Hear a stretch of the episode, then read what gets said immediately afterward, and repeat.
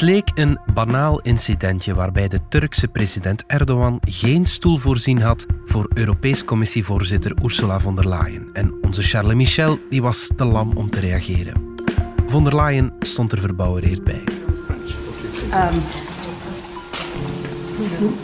Maar die Sofa-gate snijdt veel dieper en toont waar het binnen Europa wel vaker fout loopt. Hoe schadelijk is dit voor de leiders van de Europese Unie en voor de Unie zelf? Het is woensdag 14 april. Ik ben Alexander Lippenveld en dit is de podcast van de Standaard.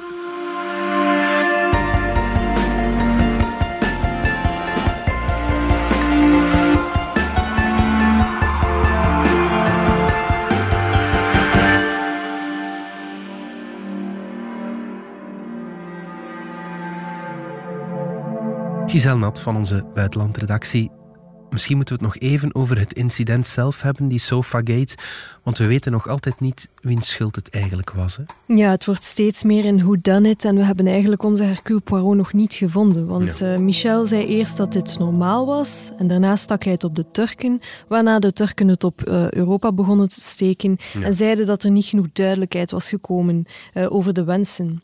Nu, het lijkt er toch wel op dat de protocolaire diensten van de president van de Raad, dus Michel, mhm. als enige verantwoordelijk waren voor de vormgeving van dat bezoek. Ja. Europa heeft daar een vaste ambassadeur, maar die zegt dat hij eigenlijk niet betrokken was, waardoor de efficiëntie van de communicatie met de Turken ook uh, wat te wensen overliet. Dus het lijkt dat dat team een beetje te driest uh, ervan uitging dat alles wel in orde zou komen. Maar dat was dan niet het geval. Europa wijst naar Erdogan. Zou hij dat bewust gedaan hebben? Vermoedelijk heeft Erdogan handig gebruik gemaakt van de, de protocolaire vaagheid. Eh, hmm. Het team van Ursula zelf kon niet vertrekken vanwege COVID. En dat gaf hen natuurlijk de kans om Europa, dat met een belerend vingertje kwam, toch nog eens op de plaats te zetten. Je moet ook bedenken, Erdogan zit in een coalitie met een uh, extreemrechtse partner, de MHP. Die zijn zeer anti-Europees, zeer anti-Westers. Zo'n incident geeft hem veel krediet bij die rechtse hardliners, maar hmm. het kost hem ook amper moeite. Ja. De reacties op het incident waren niet mals. U hoort hoe Europees parlementsleden Asita Kanko van NVA, Kathleen van Bremt van Vooruit en Guy Verhofstadt van Open VLD reageerden. Als vrouw, moeder van een meisje, politica en Europeaan ben ik erg gechoqueerd als ik deze beelden zie van EU-leiders in hashtag Turkije. De EU wordt op het internationale toneel steeds vaker geconfronteerd met autocraten die zich afkeren van ons democratisch model, de Europese samenwerking en onze normen en waarden. Als we dan gaan discussiëren over wie op welke stoel ging zitten en waarom, hebben we dat debat bij voorbaat al verloren. We zagen in Ankara hoe Europa tussen twee stoelen valt. Tijd om de besluitloosheid en zwakheid van Europa te herstellen. Comedian Nigel Williams die is erg scherp voor Charles Michel. Charles Michel moest gaan zitten, want hij heeft geen ruggengraat. Hashtag Sofagate. Het zegt natuurlijk ook iets, Giselle, over Europa, dat wij met twee moeten langslopen bij Erdogan. De VS hebben één leider, Rusland heeft één leider. Wij hebben er twee. Ja, dat heeft natuurlijk zijn redenen. Je hebt aan de ene kant de commissie, je moet dat zien als de machtige ambtenarij van de Unie die de dagelijkse werking uh, regelt. En dan heb je die raad uh, van lidstaten. Mm uh, en dat zijn eigenlijk de politieke schoonmoeders. Ja. En vanaf het begin hadden de oprichters van de Unie het daar niet makkelijk mee. Maar ja, het was ook de vraag van de lidstaten. En die wilden helemaal geen, geen superstaat Europa. Mm -hmm. Dus die architectuur van de EU, we zitten daarmee vast. Maar in de praktijk is het vertegenwoordigen van Europa in het buitenland de laatste jaren een duidelijke duobaan geworden. Ja. Dat is ook gewoon omdat ze niet zonder elkaars expertise kunnen. Hè. Die voorzitter van de raad en de commissiepresident. Als uh, Erdogan EU-subsidies wil krijgen voor vluchtelingenopvang, dan mhm. moet hij dat aanvragen bij de commissie en niet bij Michel. Ja. Ook hun voorgangers um, hebben in tandem gewerkt.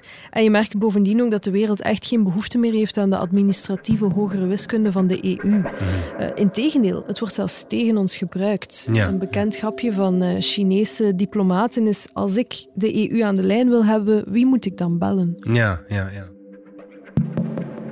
Maar dan is de vraag, ja, als je zegt wie moet ik bellen, wie is nu de belangrijkste, Giselle? Is dat Michel of is dat von der Leyen? Ja, daar zijn heel verschillende perspectieven op. Michel zit in elk geval tot midden 2022 in die stoel. Mm Von der Leyen zal daar tot uh, eh, 2024 zitten. Um, het lijkt ook wel een beetje af te hangen van persoonlijkheden die zelf de ruimte beginnen kneden en mhm. invullen naar hun eisen of wensen. En ja, misschien ligt het niet in Michel zijn aard om heel uh, bescheiden op te treden. Want voorzitter van de raad, dat is tegelijk heel zichtbaar, heel belangrijk, maar toch zit je aan de leiband van de lidstaten. Ja. En het is heel goed geweten dat die lidstaten eigenlijk geen krachtige figuur willen die hen kan overvleugelen in die raad.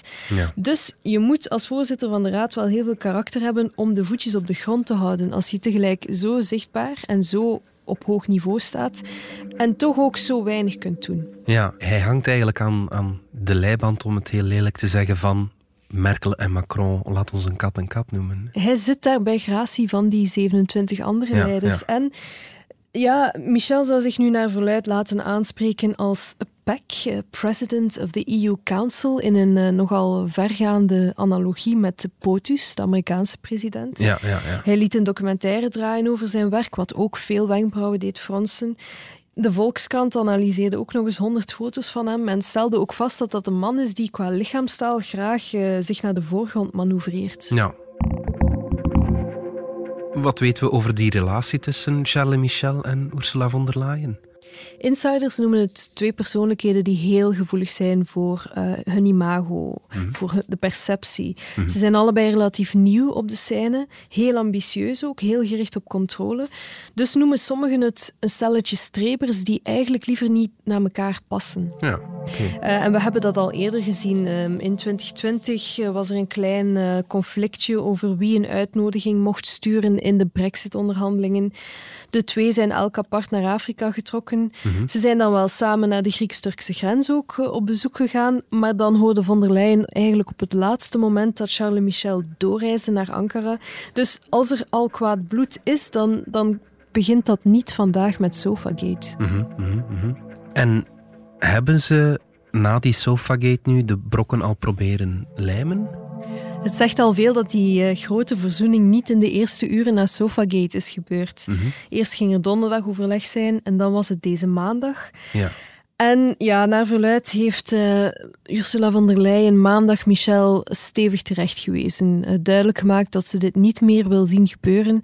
Ook uh, een protocolaire nota aan het team van Michel. Mm -hmm. Dus de brokken ja, of die op persoonlijk vlak gelijmd zijn, dat is verre van zeker. Michel zal zich binnenkort ook in het parlement misschien moeten verantwoorden. Mm Dinsdag uh, moest hij ook samenzitten met de fractieleiders in het Europees Parlement om zijn reputatie te herstellen. Mhm. Maar of dat ooit nog helemaal goed komt met die reputatie, dat is niet zo zeker. Ja, is dat dan zo schadelijk, dit incident voor Michel, dat hij zijn functie kan kwijtspelen. Hij heeft de internationale pers al samengeroepen om te zeggen dat hij ervan wakker ligt. En intussen vragen een aantal vrouwenorganisaties zijn ontslag. Hè?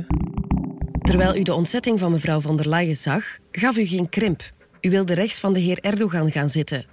Op dat moment had u kunnen opstaan en Ursula von der Leyen uitnodigen om zelf te gaan zitten, of u had zelf kunnen blijven staan en een tweede stoel aanvragen. U zweeg. Als hashtag seksisme en hashtag misogynie nog steeds kunnen bestaan, is dat omdat getuigen zwijgen of omdat ze profiteren van deze slechte behandeling van vrouwen.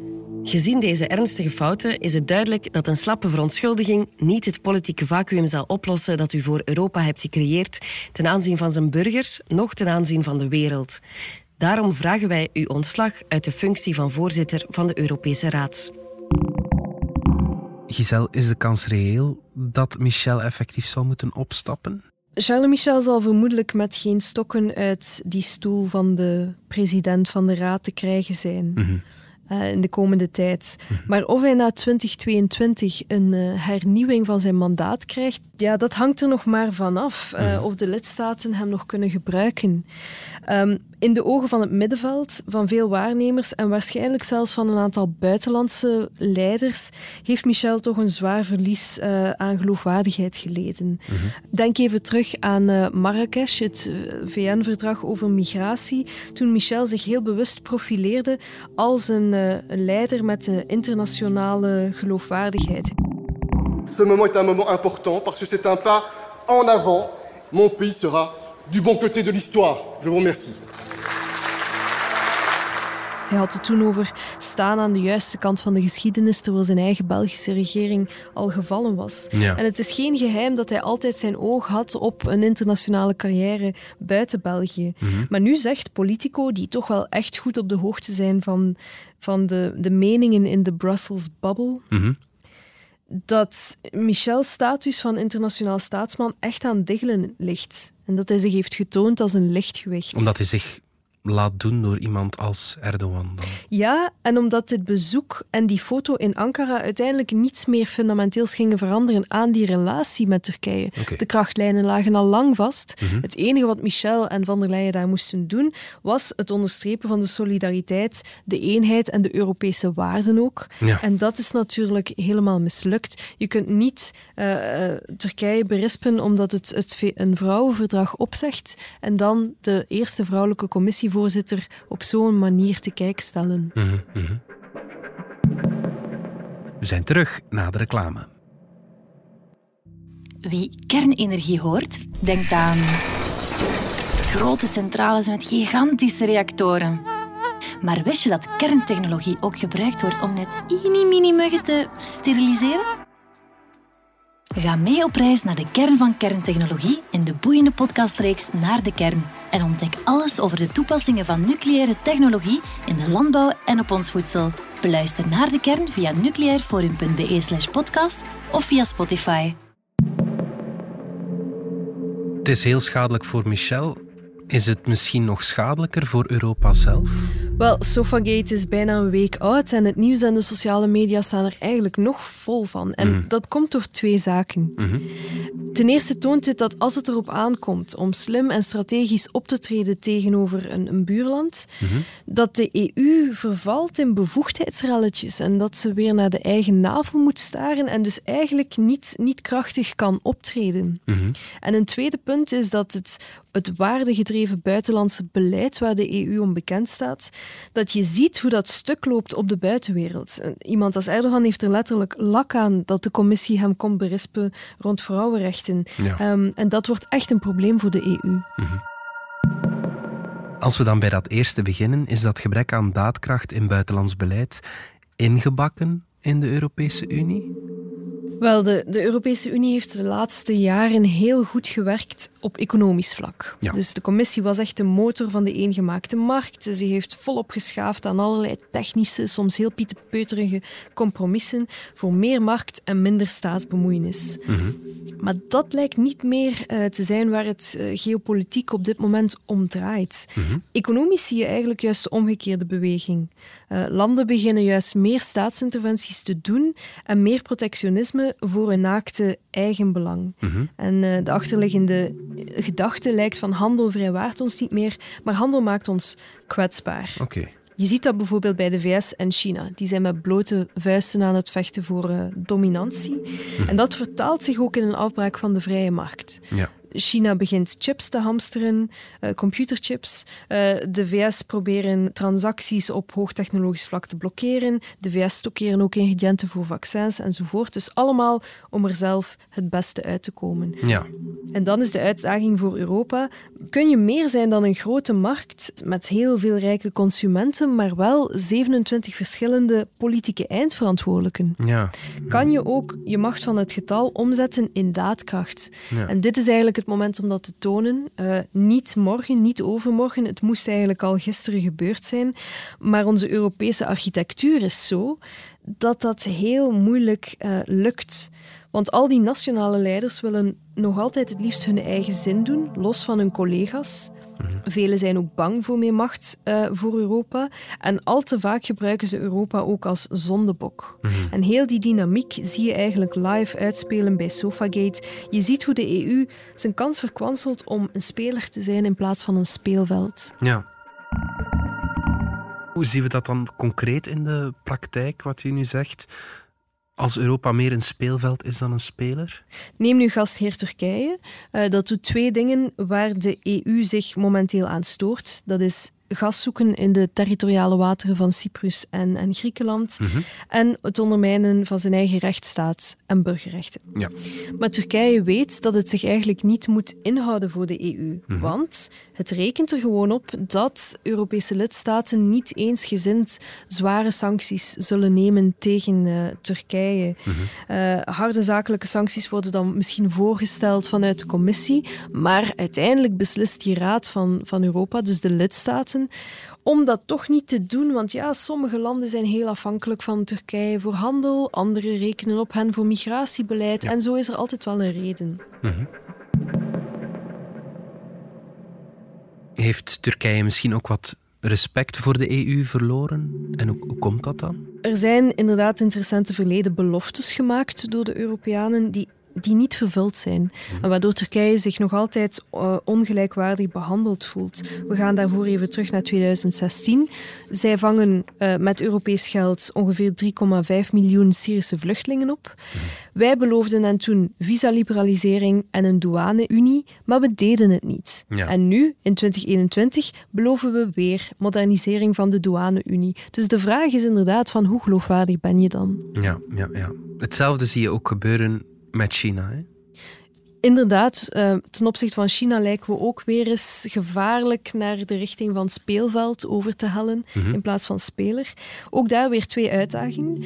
China's ambitie is om andere landen economisch en technologisch afhankelijk te maken. En dankzij zijn sterke staat heeft het daarin een, een voordeel. Mhm. En twee, China probeert ook steeds agressiever censuur op te leggen en het open debat over het regime te verhinderen. En dat gaat tegenwoordig al heel ver. Onlangs was er die Duitse uitgever die uh, een kinderboekje over het ontstaan van corona moest censureren, mhm. omdat de Chinese ambassade daarop aandrong. Dus de vraag is, hoe gaat Europa daarmee om? Ja. Wel, de EU maakt dan een mooie visienota waarin het waarschuwt over toekomstige uitdagingen, maar tegelijk tekent het dan in zeven haasten op het einde van vorig jaar een handelsverdrag met China. Ja. Waarom doen ze dat? Wel, Duitsland uh, is bijzonder afhankelijk van China en heeft daar dus op aangedrongen. En zo komt um, een verdrag tot stand dat op korte termijn misschien wel goed is voor de bankensector en voor de Duitse autosector, mm. maar niet noodzakelijk voor Europa. Mm -hmm het is vermoedelijk door dat soort kruideniersmentaliteit dat Peking ook wel weet van kijk, ik heb hier niet te maken met één economisch blok van 450 miljoen mensen, maar ik sta hier tegenover een aantal dwergjes, elk met hun eigen economisch plan, elk met hun eigen innovatiebudget. Ja, die zijn gemakkelijk tegen elkaar uit te spelen door Peking. Mhm. Heel lang is gezegd dat de EU misschien geen militaire macht heeft en misschien ook niet de snelste beslissingen maakt maar dat we wel de juiste waarden in de wereld promoten, zoals mensenrechten en democratie en die dingen. Europa heeft dat inderdaad vaak als stroef uitgespeeld. Hè. Het Europese buitenlands beleid in het teken van mensenrechten, democratie, milieu, arbeidsrechten enzovoort. Ja. Het probleem is natuurlijk dat dat uh, het best werkt in een redelijk stabiele, vreedzame situatie. Mhm. En ook alleen maar als je kunt um, doen aan, aan leading by example. Mhm. Maar je voelt toch aan alles dat de context veranderd is en ook dat het ingebakken respect voor de EU um, iets wat op zijn uh, retour lijkt. Mhm. En dat lijkt te komen door de grote kloof tussen uh, Europa's theorie en praktijk. Mhm. In Afrika zoekt Europa bijvoorbeeld samenwerkingen met dictators omdat ze iets doen voor ons, uh, vaak rond migratiebeleid. Uh, een ander uh, voorbeeld dat tegenwoordig vaak in, in de actualiteit komt, is, is Zuid-Amerika. Sinds 2019 ligt er een groot handelsverdrag klaar tussen de EU en, en vier landen in de regio, uh, Mercosur. En dat verdrag zal overduidelijk bijdragen tot de verdere ontbossing en, en de mensenrechten schendingen op arbeiders of inheemse stammen in de regio. Mhm. En in dat verdrag zitten ook heel weinig harde garanties op bescherming van het regenwoud. Ja, dan komt een commissaris van Handel wel dit jaar beloven dat alle toekomstige handelsverdragen voortaan groen zullen zijn. Maar als alle verdragen gesloten zijn en er nog amper nieuw in het vooruitschiet liggen, ja, dan, dan roept dat toch wel vragen op. Ehm, de commissie zegt nu ja, we proberen dat te heronderhandelen. Misschien komen er nieuwe garanties. Maar het is nog een open vraag of dat ook echt wel komt. Als je veel praat over waarden, maar in de praktijk vaar je op het kompas van een kruidenier, dan is het eigenlijk maar wachten tot er iemand langskomt als Erdogan die dat ontmaskert. Ja, en die dat eigenlijk meesterlijk gedaan heeft. Hè. Ja. Laat het ons zo stellen. Goed, Giselle Nat, dankjewel. Dit was de podcast van De Standaard. Bedankt voor het luisteren. Reageren kan via podcast.standaard.be. Alle credits vind je op standaard.be-podcast. Morgen zijn we opnieuw.